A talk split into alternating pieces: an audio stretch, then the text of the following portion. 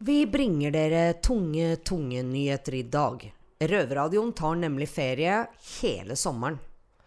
For meg blir det ikke noe ferie. Jeg kommer til å slave videre som vanlig.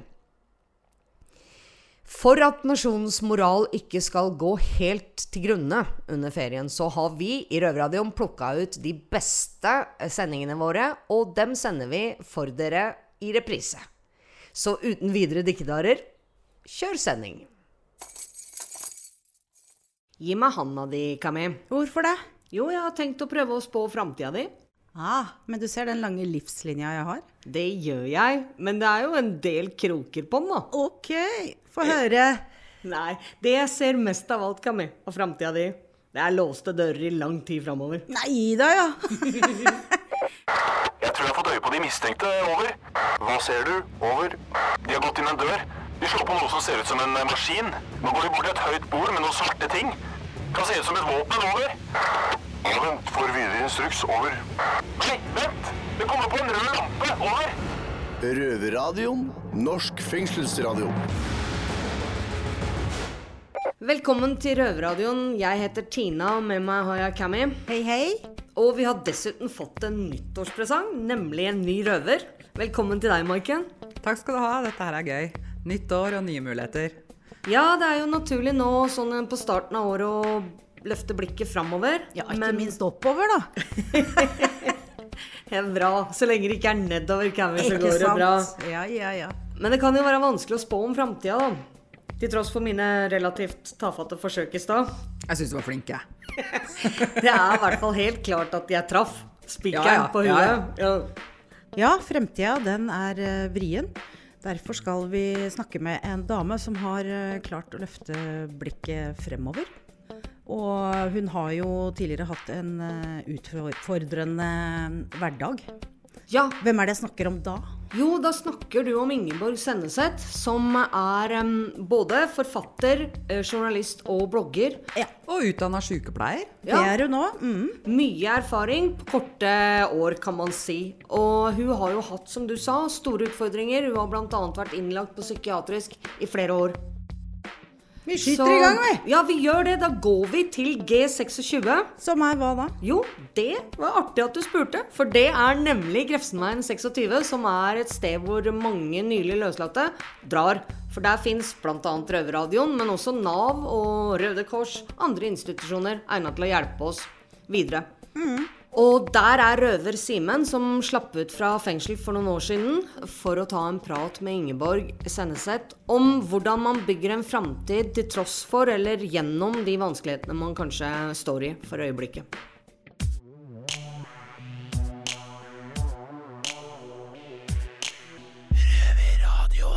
Hei, du som hører på merker kanskje at lyden er litt annerledes enn den pleier å være.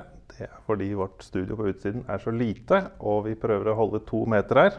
Så da har vi funnet oss et større rom. Når man havner i fengsel, stopper livet litt opp. Mens alle du kjenner på utsiden, fortsetter med livene sine. Men det er ikke bare i fengsel det er sånn. Mange andre som er i en vanskelig periode i livet, havner på en eller annen form for institusjon. En av de som har opplevd det, er på besøk hos oss her i dag. Hei, det er den utslupne røver Simen her. Og hei og velkommen tilbake til Røverradioen, Ingeborg Senneset, journalist og forfatter. Oi, sorry, jeg avbrøt deg. Jeg ble Det så ivrig. det er så, det er så hyggelig å komme og treffe folk at Ja. jeg bare Jeg vil være med og snakke. Ikke sant? Denne uka her er det faktisk fem år siden jeg slapp ut av fengsel. Oi, Du grattis. har, takk, takk, takk, takk. Eh, Du har også vært i en institu- institusjon. Mm. Når var det, og hvor lenge var du der? Um, jeg ble utskrevet for siste gang i 2012, så nå begynner det jo faktisk å bli noen år siden. Men det føles veldig, det føles veldig nettopp. Vet jeg. Det har gått så fort siden da. Men eh, da var jeg på mitt tredje sykehus, for jeg var innlagt på psykiatrisk. Eh, og jeg hadde da til sammen vært inneliggende pasient i tre år. Eh, fordelt over flere år, da. For jeg var jo litt sånn inn og ut. og permisjoner her og utskrivelser der og nye institusjoner og sånn.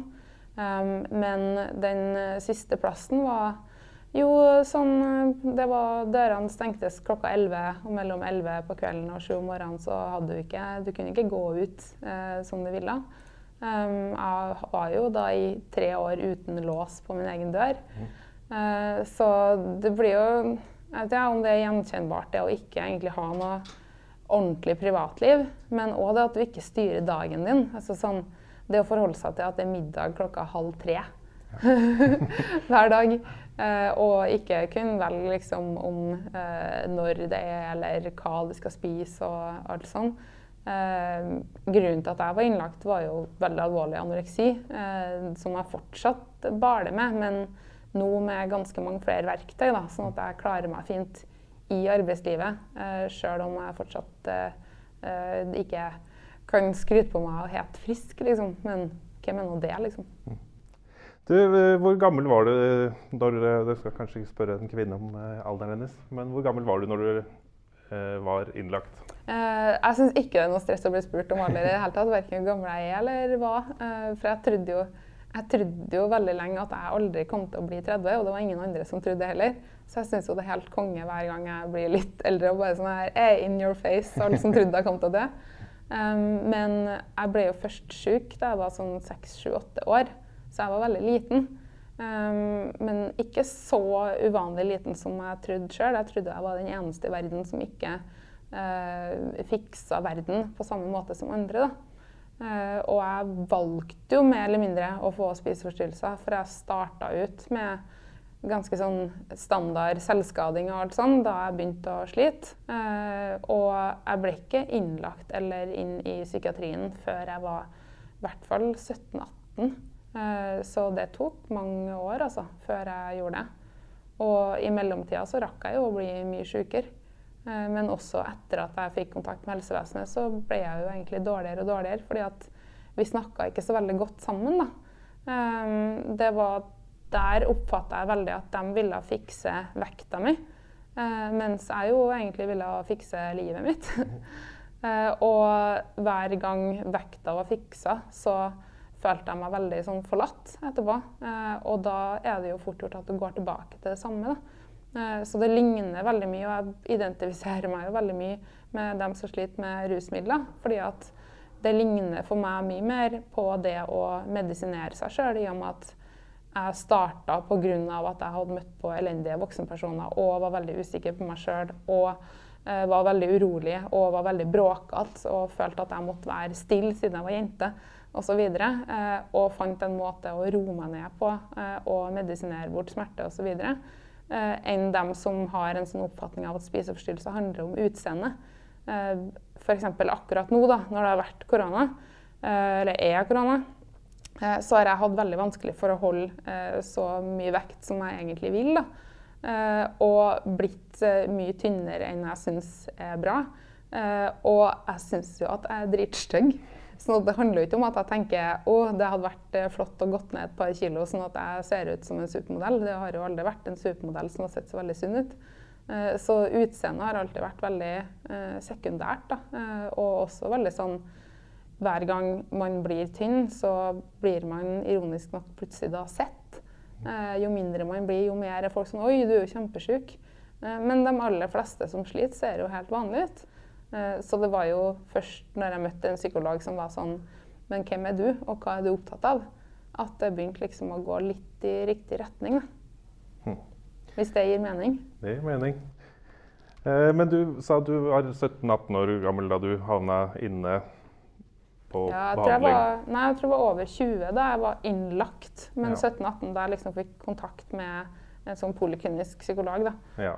Men før det så var du også syk, ikke sant? Og mm. Eh, altså, følte du at dine venner eller jevnaldrende løp fra deg den tiden du var syk og inn, inne på institusjon? Mens jeg var på institusjon, eh, så var jeg jo innlagt pga. at da var jeg veldig, veldig dårlig. Eh, men både da jeg var eh, hjemme på permisjoner eller hadde sånne opphold, så var det bestandig så dritt å se på dem rundt meg, som f.eks. mine medstudenter på sykepleien, eh, som gjorde ferdig utdanninga si, og som fikk seg jobb, mens jeg måtte ha et års pause og ikke kunne gjøre ferdig, ikke fikk papirene på at jeg var utdanna, ikke kunne begynne å jobbe.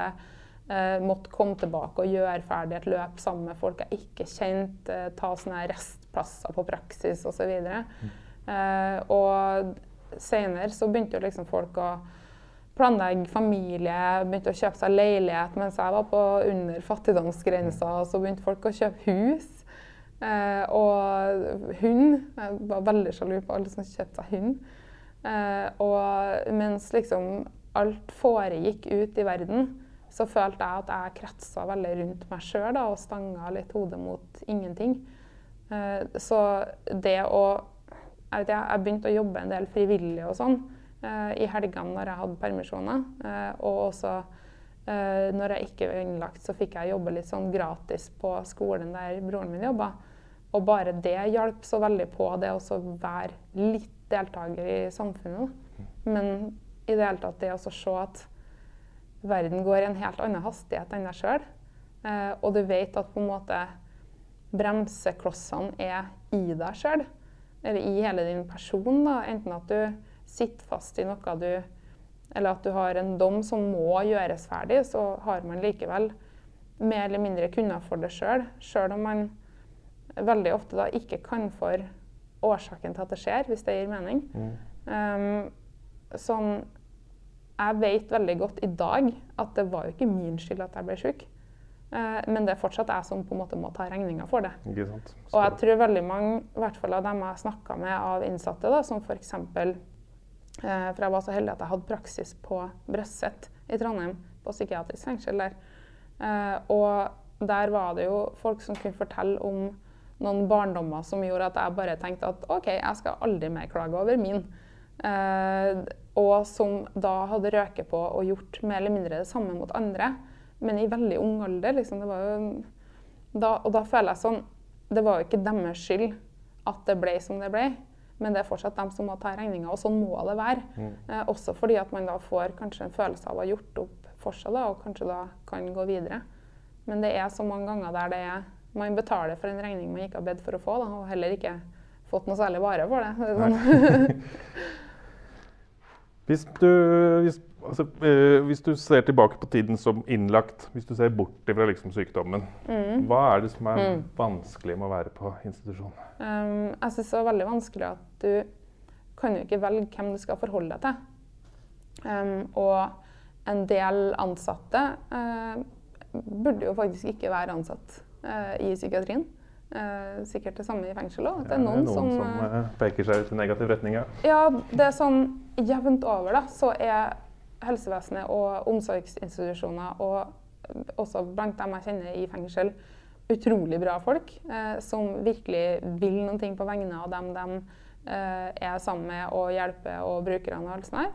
Og så har du noen eksempler på folk som bare vet du, du skulle virkelig ikke ha jobba her. Du skulle ha sittet og telt spiker i en krok for deg sjøl og ikke hatt med mennesker å gjøre eh, overhodet. Eh, og dem kan ikke velge å ta bort mm. hvis du ikke klarer å se forbi atferd eller forbi eh, de negative tingene som folk ser ut som eller gjør. Så er du sjanseløs for å hjelpe noen, tror jeg.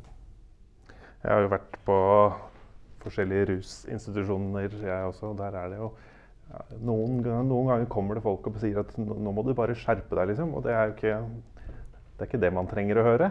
Eh, altså, selvfølgelig, Hvis man ruser seg, så er det én ting, men hvis man har det vanskelig, da, eller gråter, som du sier, eller et eller annet, mm. så nei, nå må du liksom rette deg opp i ryggen. Og det er omsorg man trenger. Mm.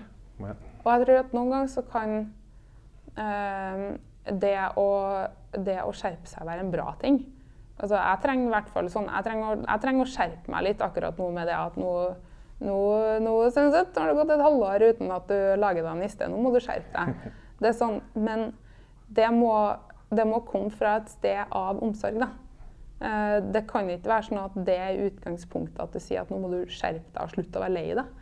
Nei, men det går an å si jeg ser at du er lei deg, eh, og jeg ser at du har abstinenser, eller jeg ser at du har smerte, jeg ser at du har det vanskelig. Eh, dessverre så er du også nødt til å ikke ruse deg. Da. Og der må det skjerpes, men vi skal være her for deg i alt det vonde både før og etterpå. Det er en helt annen ting å si det enn å bare liksom ta sammen. Da. Mm. For det, hvis noen har prøvd å ta seg sammen, f.eks. hvis du har edderkoppfobi, og forteller noen at bare Nei, du skal ikke være redd.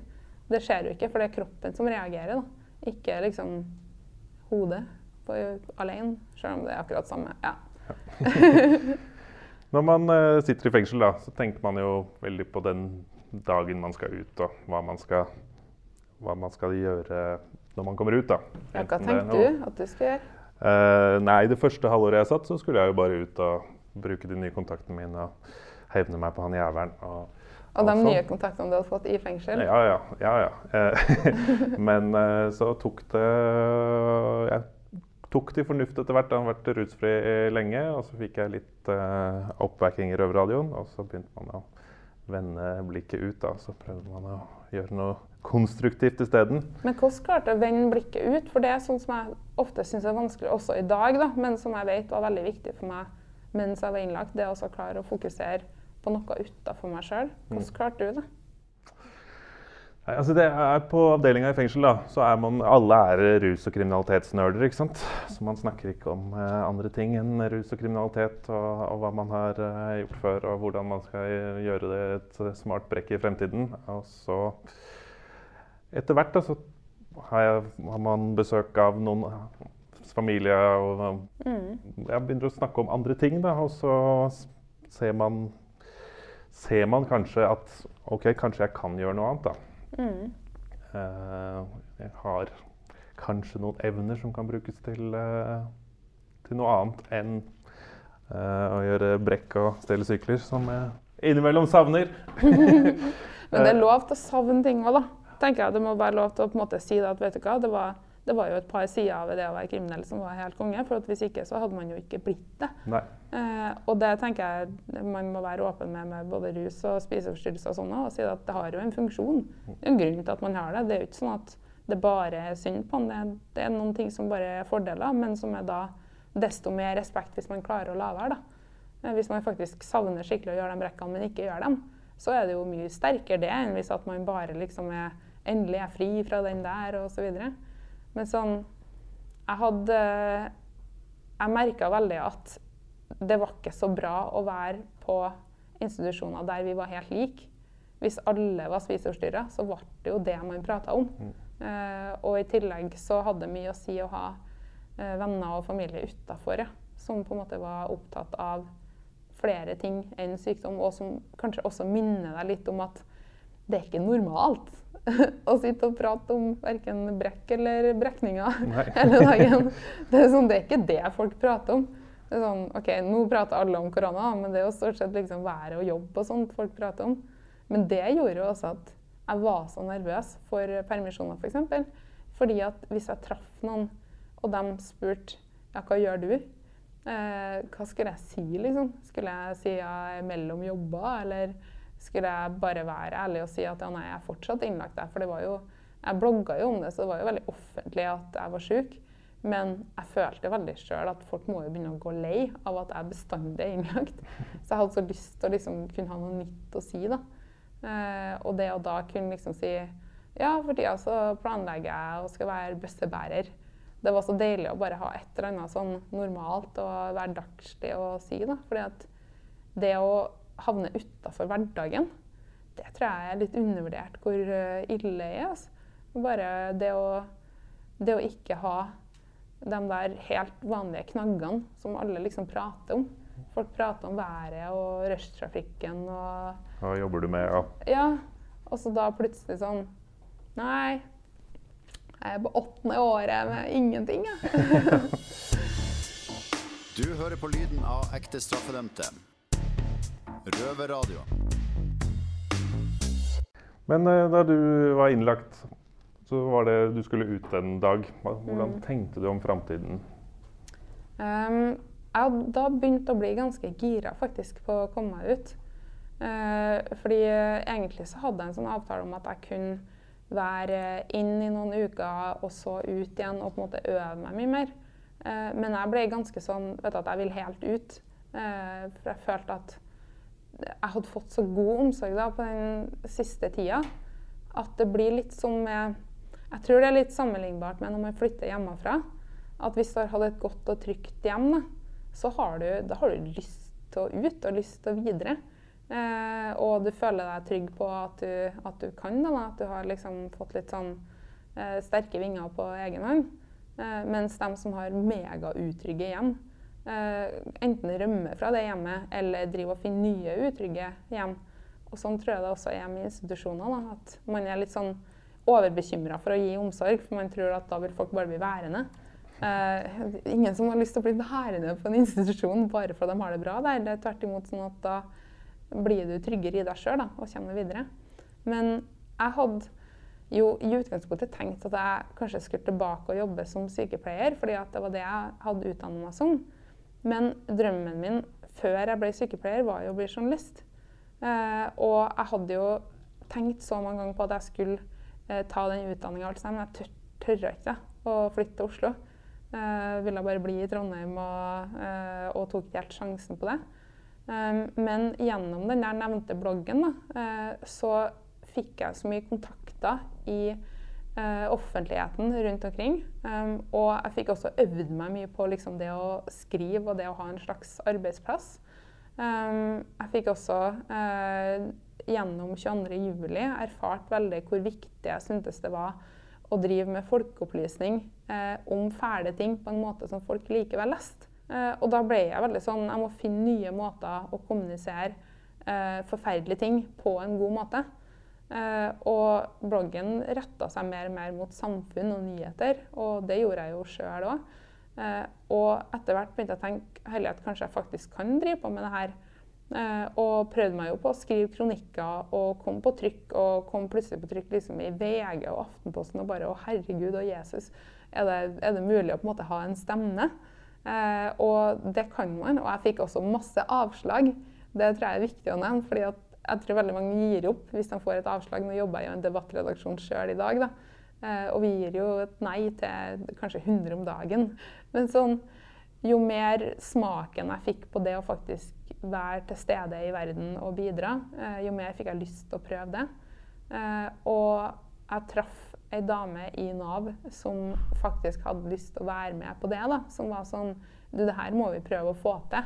Eh, selv om det var megavanskelig for dem å ikke da bare rette meg direkte inn på det jeg allerede hadde en utdanning på.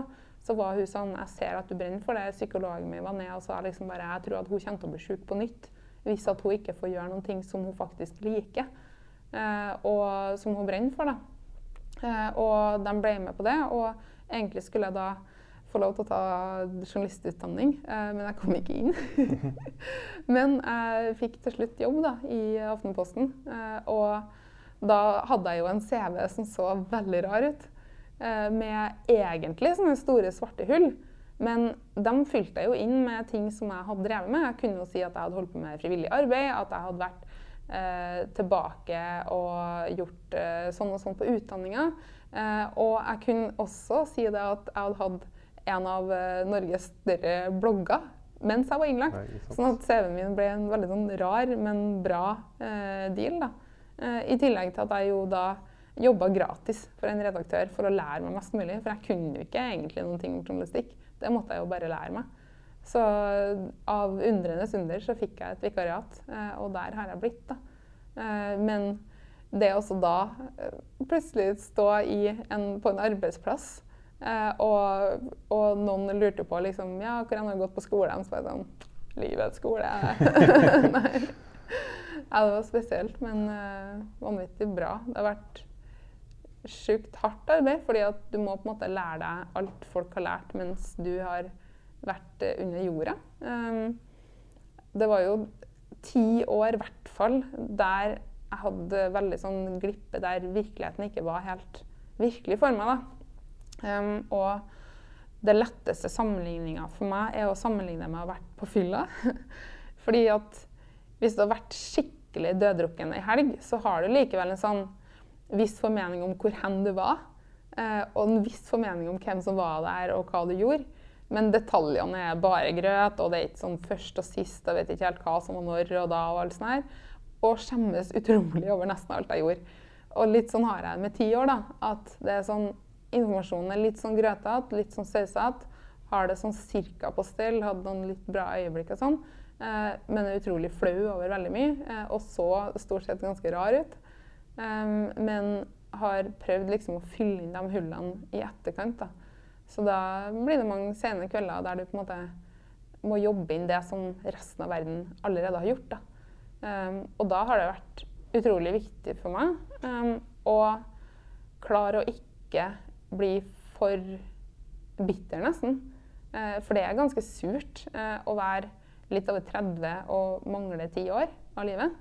Eh, og du kan fort havne i en sånn åh, jeg hater, hater det som skjedde i oppveksten min. Hater de lærerne som ikke så meg. Hater den institusjonen som gjorde meg sykere hater ditt og hater datt. Um, det har jeg valgt at å legge i en sånn boks med kan være forbanna ett minutt en gang i året. Men hvis jeg skal bruke masse tid og energi på det, så kommer ikke jeg sjøl noe videre. Og da blir det jo nye ti år da, med bare grøt og hat og dumt. Så det har vært superviktig, egentlig. Å legge bort det å være bitter eller forbanna. Mm. Eh, og heller bruke den energien på å gjøre det bedre sjøl, da. Det høres veldig enkelt ut. It's not that easy, men ja, en kunne i hvert fall prøve. Ja. Ikke dvele ved alt man har gjort galt, men se hva man har gjort riktig. Ja, og ikke dvele ved alt andre har gjort galt heller. Eh, fordi at Hvis man først skal si at ja, det var en grunn til at jeg gjorde som jeg gjorde, så var det sikkert en grunn til at de gjorde det òg. Så ja. For min del, da, som er gammel sprøytenarkoman, så er det fryktelig mye sprøyter på TV om dagen. Du ser så lite gammel sprøytenarkoman ut.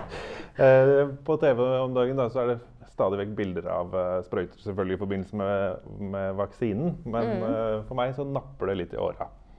Hvordan forholder Får du Jeg får litt sånn, sånn Å, fy faen, det hadde vært uh, godt med Har du noen sånne triggere? Og hvordan lever man med det?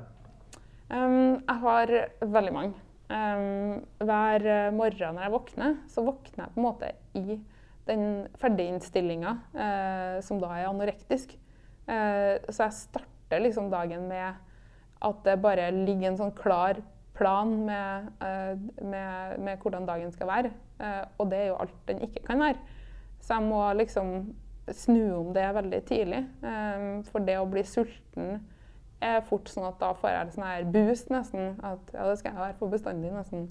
Um, og veldig mange sånne småting som bare minner meg om tidligere. da. Uh, og alle de tingene må jeg på en måte uh, Jeg prøver det, det, er egentlig en sånn mindfulness-teknikk.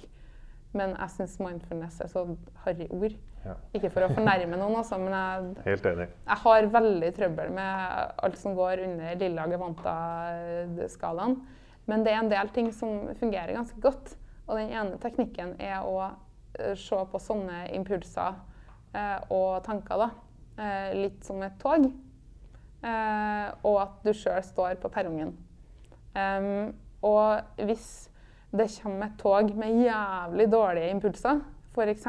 sprøyter, eh, så er det veldig dumt å prøve å stoppe det toget ved å gå ut i veien for det. Eh, for da blir du meia ned av det toget. Eh, det er også veldig dumt å hoppe på eh, og faktisk gjøre de tingene. Eh, for da, da, er man ute å kjøre, da. Det eneste fornuftige når det toget kommer, er å stå og se på det og la det gå forbi. Vente på neste? Ja. Og bare liksom la den tanken her OK, den tanken her har jeg. Den tanken her er til stede. Den kommer til å gå over. Og ikke prøve å stoppe den. Ikke gjøre noe med den. Eh, ikke liksom hindre at den er der, men la den gå forbi og fortsette med de tingene man egentlig gjør. Så veldig mye av, veldig mye av tida mi kan jeg være jeg kan nesten bli litt sånn sliten og irritabel når jeg er sammen med andre, f.eks. Eh, over tid. Fordi at det går hele tida to løp. da. Eh, der jeg må forholde meg til veldig masete stemmer eh, fra meg sjøl. Samtidig som jeg har lyst til å være sammen med andre og prate med dem og, og være til stede. Eh, sånn at jeg trenger en del pauser å være alene når jeg har vært sammen med andre. Ikke fordi at folk har slitt meg ut, men fordi at det er et dobbeltløp hele tida. Eh, så alle de triggerne er veldig sånn til stede. Eh, men jeg prøver å ikke liksom hoppe på det toget. da. Gir det mening? Det gir veldig mening. Det er veldig fint. Hva kan man gjøre selv i, mens man forbereder seg på å komme ut? liksom sånn? Jeg tror det er ganske mange ting man kan gjøre sjøl. Um, og jeg tror at det er litt viktig at man er veldig mye med på det uh, sjøl. Um, jeg tror det er ganske skummelt hvis at man har en sånn liste fra institusjonens side over at man skal ha leilighet på plass og man skal ha jobb på plass. Og da ordner det seg. Eh, for det er jo ikke det på en måte som gjør at folk er lykkelige eller ikke lykkelige. Eh, eller at det er mening i livet til noen. Eh, jeg tror det er utrolig viktig at man har en sånn åpen dialog da, på om man har Har du et eller annet nettverk? Har du noen du kan få prata med? Og har du på en måte en sånn Klarer du å akseptere hvis du gjør feil, hvis det skjærer seg, eh, og da fortsette å gjøre nye, eh, litt bra ting? Jeg hadde veldig lenge en sånn forestilling om at jeg først måtte bli frisk, og så skulle jeg begynne å leve. Uh, men etter hvert så begynte jeg å innse det at ja, det, er jo det er ikke sikkert jeg blir frisk. Og hva er egentlig å være frisk? Og jeg har snudd det 100 til å være at det istedenfor å være overopptatt av å være frisk eller bli frisk, så gjør jeg flest mulig friske ting. Eh, og jo flere friske ting jeg gjør, jo mindre plass er det jo til sjuke ting. da. Eh, og jeg tror at hvis at man kan være litt åpen på at ja, det er ikke sikkert at du blir verdens beste menneske av å sitte i fengsel heller, men hvis at du får en del verktøy sånn at du kan gjøre mange bra ting i løpet av en dag, så blir det kanskje ikke så nødvendig med de dårlige. da. Uh, det tror jeg er en sånn konkret tenkemåte som i hvert fall har hatt stor betydning for meg. da, fordi at du er så vant til nederlag. da. Og blir hvert fall Jeg ble veldig fortvila hver gang jeg på en måte eh, Hvis jeg gjorde noe feil, skulle jeg si, eller hvis jeg ikke fikk et måltid, eller hvis jeg eh, ikke klarte å snu den tankegangen da, som alle sammen snakka om. Du må slutte å tenke sånn. Så bare Ja, men jeg slutter jo å tenke sånn. Eh, det, det, er sånn hodet mitt fungerer. Når jeg ikke var like forbanna på meg sjøl hele tida, så ble det òg lettere å på en måte gjøre eh, litt hyggelige ting og slappe av litt.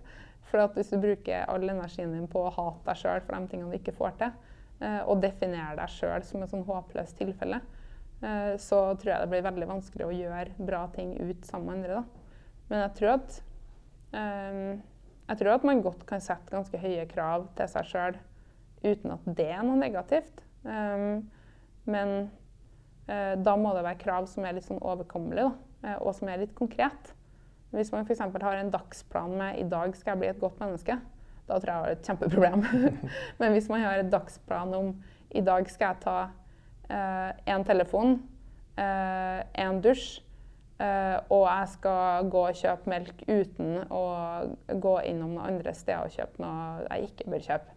Sånn at hvis man har tre eh, ting da, i løpet av en dag eh, som er helt konkret, og som man kan krysse av på ei liste liksom at det her har jeg her har jeg faen meg fått til i dag. Og klare å se det at for meg, i min situasjon, i min skala, så er det her Mount Everest. Da har jeg gjort noe dritbra. Eh, og klare å liksom gi seg sjøl en skikkelig klapp på skuldra for det. Men det å ha koll på de to tingene, at du ikke trenger å være en fasit på noe. Du trenger ikke være frisk eller være perfekt, men bare du gjør bra ting. Og snu den der tankegangen der, da, og, og tenk mer på hva du gjør, enn hvem du er. Så kommer jo hvem du er, litt etter. For jo flere bra ting du gjør, jo bedre kanskje føler du deg. I hvert fall hvis du gjør bra ting for andre. Én eh, ting er nå på en måte å ta vare på seg sjøl. Man sier sånn her, ja, man skal ta på sin egen maske først på flyet. og sånn her, Men det å føle at du gjør noe fint for andre, det i hvert fall uh, gjør mine dager bedre. da. Jeg vet ikke hvordan det var med deg? Nei, for eh, min del så handla det mye om at, at jeg hadde et eller annet nettverk fra før av. Mm. Eller ikke fra før av, men som jeg kunne gjenoppta. Og, det, og det hadde en plan om Eller jeg hadde noen som støtta meg fra starten, da. Som var Hadde ting litt på stell. Jeg har, jeg har så jeg har så innmari lyst til at du Synne skal si hvordan du gjenopptok det nettverket. Ah, ja. For sånn, hva sier man? Hvordan tar, eller ringte du, eller sendte du melding?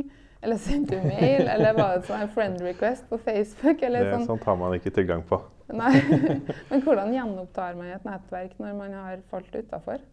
Det var jo en av de tingene som for min del gjorde at jeg øh, klarte å forandre tankegangen min. var at jeg satt jeg hadde en nabo selv med en fyr som jeg kjente litt fra før av.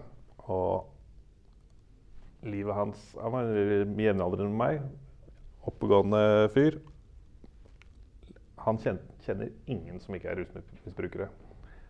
eh, eneste han vet om, er en søster, og hun vil ikke ha noe kontakt med han. ikke sant? Og så fikk, tenkte jeg at her sitter jeg faktisk i en jævla bra situasjon, hvor jeg har Jeg har ikke vært så lenge i det kriminelle miljøet, at, eller i rusmiljøet, at jeg ikke kjenner noen andre.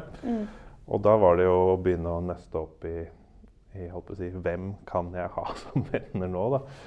Og så tok jeg, uh, skaffa jeg meg telefonnummeret og ringte rett og slett på forhånd. Da, og så hadde jeg jo også noen som kom og besøkte meg, som hadde vært venner av meg hele tiden. Uh, og det er jo det som er problemet for mange, da. At, at altså, vi er sosiale dyr, og vi trenger å ha noen å omgås med.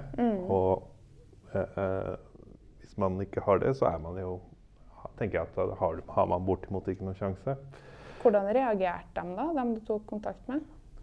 Nei, da hadde jeg jo vært eh, Før jeg kom inn, da, så var det, var, var det fryktelig kaotisk. Og da var det kanskje sånn at jeg hadde, hadde tatt med meg et eller annet i et brekk som jeg hadde trengte, og jeg trengte noe eh, rusmidler. Så da sendte jeg sånne brede forespørsler på Facebook om man kunne tenke deg å kjøpe den her jævla billig. ikke sant? Og så plutselig ringer man fra fengselet og sier at Hei, du. Eh, har du lyst til å bli venner med meg igjen? Det er, det er jævla kleint. Men, eh, men folk eh, ønsker å gi deg en sjanse, da, i hvert fall. Og den eh, klarte jeg å ikke kaste bort. Ja, det er skikkelig fint. Men, men vet du jeg har, jeg har skjønt at jeg har virkelig undervurdert folk. da. Sånn, Jeg har trodd at folk kom til å mislike meg hvis de visste hvor nervøs jeg var, f.eks. Eller at folk kom til å tenke stygt om meg hvis eh, Nå var jeg hjemme til eh, Jeg har fått kjæreste og var hjemme til familien hans i jula, og jeg var helt sikker på at nå kom de til å finne ut hvor dårlig menneske jeg var. For nå var de sammen med meg over lengre tid, og da kom de til å se at jeg ikke er noen bra person. Eh, Men igjen og igjen da, så viser det seg det at folk vil jo ha kontakt med deg, eller de har ikke noe imot meg osv. Sånn, jeg tror kanskje ikke at vi skal ilegge folk så dårlige egenskaper. Jeg tror at vi kanskje overvurderer litt hvor streng andre er med dem som har falt litt utafor. Eh, Stort sett så jo Eller så blir folk sånn Å ja, nei, det var det, ja. Nei, så bra at du er ute igjen, da. Nei, folk er jo stort sett ganske greie. Ja, det er som du sa med, med at det kan minne om å være på fylla. Så kan jo våkne med bondeanger på søndag, alle mennesker. Og, Men selv om man oppførte seg som en dritt, så er det ikke nødvendigvis sånn at folk tenker på det i ettertid. Nei, det tror jeg var helt rett i. Altså. Ja, så får man, eh, får man bare føle på den angsten mens den er der. Ja. Tar sjansen på å være sårbar, liksom. Ja, faen, det er skummelt, altså. Ja. Åh, må prøve. Jeg tror vi skal si takk for nå, Ingeborg. Tusen takk for at jeg fikk komme. Forfatter, journalist og sykepleier. Ja, noe sånt. Ikke sant? Raring.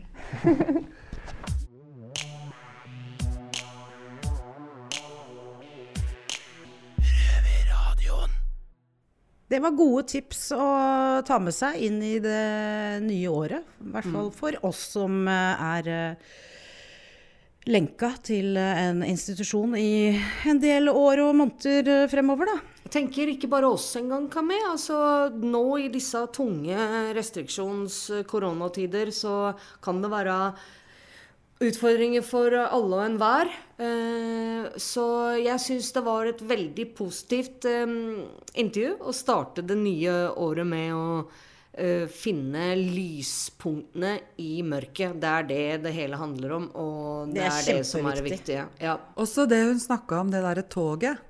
Ikke sant? At av og til så Hvilke tog skal du gå på? Når skal du stå på, på perrongen? Det har jeg hørt før. Men det jeg syns hun sa som, som jeg ikke har tenkt på før, det er liksom de toga som kommer Ikke gå ut og stell deg i sporet for å stoppe det toget, for da blir du meid ned. Ikke sant? Det å Ja. Ja, det er lov Det til å få tanker, og, og bare la de passere videre. Trenger ikke å være med. Ja, da var ukas sending dessverre kommet til sin slutt, men vi er tilbake allerede neste uke, og da kan man høre oss på Ja, du forresten, Maiken, du har jo så fin radiostemme. Når? På NRK P2 på søndager klokken 20.30. Eller på podkast når og hvor du vil. Ja, hvis du ikke sitter inne da, naturligvis. Og så ses vi neste uke. Adios, chicas. Ha det! Ha det. Det har vært stille fra over en time. Hva skjer? Over. Det er bare et radioprogram. Det er lettere å høre på dem der. Over. Ja, vet du når det går, da? Over.